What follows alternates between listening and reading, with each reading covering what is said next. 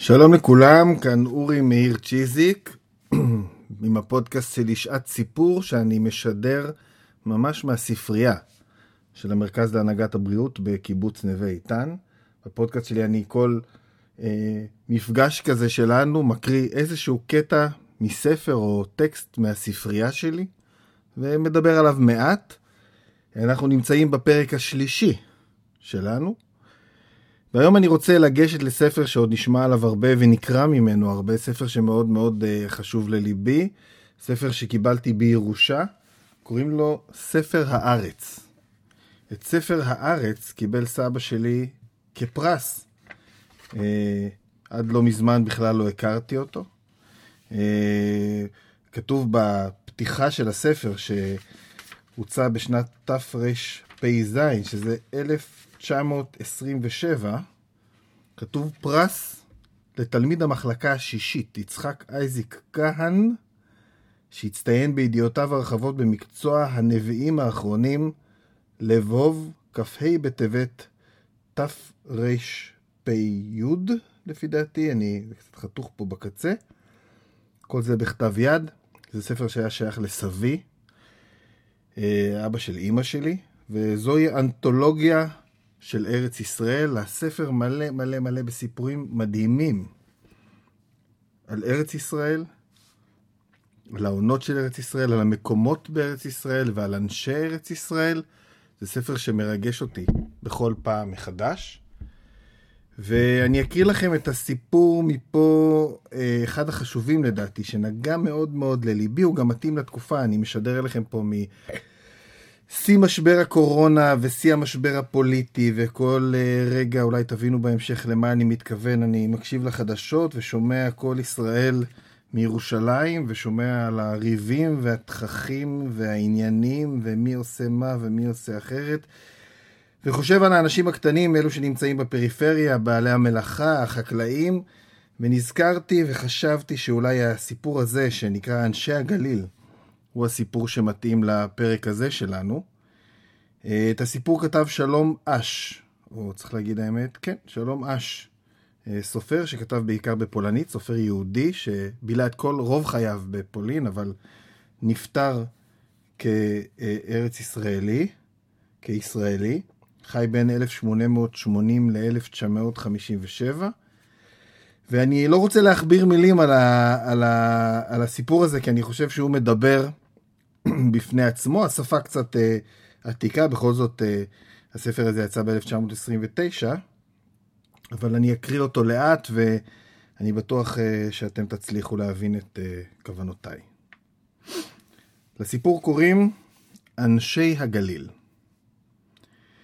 ג'נה ומבורכה הייתה אדמת הגליל, ופוריה הייתה מכל שאר חלקי הארץ. כולה עטופת שדות עמק ירוקים, שופעת מעיינות מים רבים, וחוסה בצל יערים אבותים ורעננים. נמשכה אדמת הגליל הרוחצת בחלב ודבש מאחורי הלבנון, עד לעבר גדות הירדן הרחוק. בלילה, עלו מן הנהרות עבי טל גדולים, וכהינומה של כלה עטפו השדות הברוכים והשקום, לך חיים בטרם יעל השמש בבוקר. ופשוט היה העם היושב, העם יושב הגליל, כתמר וכברוש שבשדהו. הוא חי רק על חרישו ועל קצירו, וגם את אלוהיו הכיר רק מתוך השדה. אשר עבד בו. ויהי עובד את אלוהיו בפשטות ובתום ליבו, וקרוב היה לו אלוהים תמיד. אם טוב וישר הוא, ויאמן. כי יעשה לו אלוהים כגמול ידיו, ושמר את בני ביתו ואת מקנהו מכל פגע רע, וברך את שדותיו בגשמים ובשפע. ואם רעו בעיני אלוהים, ייסרהו אלוהים על חטאתו. מפני ירושלים, היו בני הגליל מפחדים. שם, בית המקדש, שער השמיים, שכל התפילות נכנסות דרך בו. שם מקריבים קורבנות לאלוהים, שם הסנהדרין, הכהן הגדול, שם הכל קרובים לאלוהים. משם, מירושלים מודיעים להם על ידי שני שליחים או על ידי משואות מתי חל ראש חודש או יום חג ומועד. אך בירושלים קשה להגיע לפני האלוהים. כל כך הרבה כהנים, גבאים, נגידים וסנהדרין שם, כולם קרובים לאלוהים לבית המקדש ויכולים להיכנס לפני ולפנים בקודש. ואיך יוכלו הם, הגליליים הרחוקים ככה מירושלים, והבאים אך פעם בחג הפסח או פעמיים בשעת הבאת הביקורים להגיע עד האלוהים? בני ירושלים היו מתביישים בהם. חשבו אותם לבעלי בתים פחותים, לבני כפר בורים וגסים, שאינם יודעים לקרוא היטב בספרים הקדושים, ושאין לתת להם את בנותיהן לנשים. כשהיו בני הגליל עומדים לפני הדר כבוד בית המקדש, היו נפגעים במבטי הבוז מאת יקירי ירושלים, שהיו נכנסים לחצר בית המקדש לבושים בגדי משי, מבוסס, מבוסמים במור ותמרוקים שונים, ומקושטים בכל מיני תכשיטים יקרים. למראה בני הגליל היו הנדיבים האלה מתרחקים, שלא לגעת בבגדיהם הגסים, היו מלגלגים עליהם בשביל שפתם הגסה והמשובשת. ונידחים גם מהכהנים, היו הגליליים מתאספים יחד ומפחדים להיפרד זה מזה בעיר הגדולה והזרה להם. יחד היו לנים באורוות שלמה, יחד היו מקריבים את קורבנותיהם, ויחד היו עוזבים את ירושלים לשוב למקומם.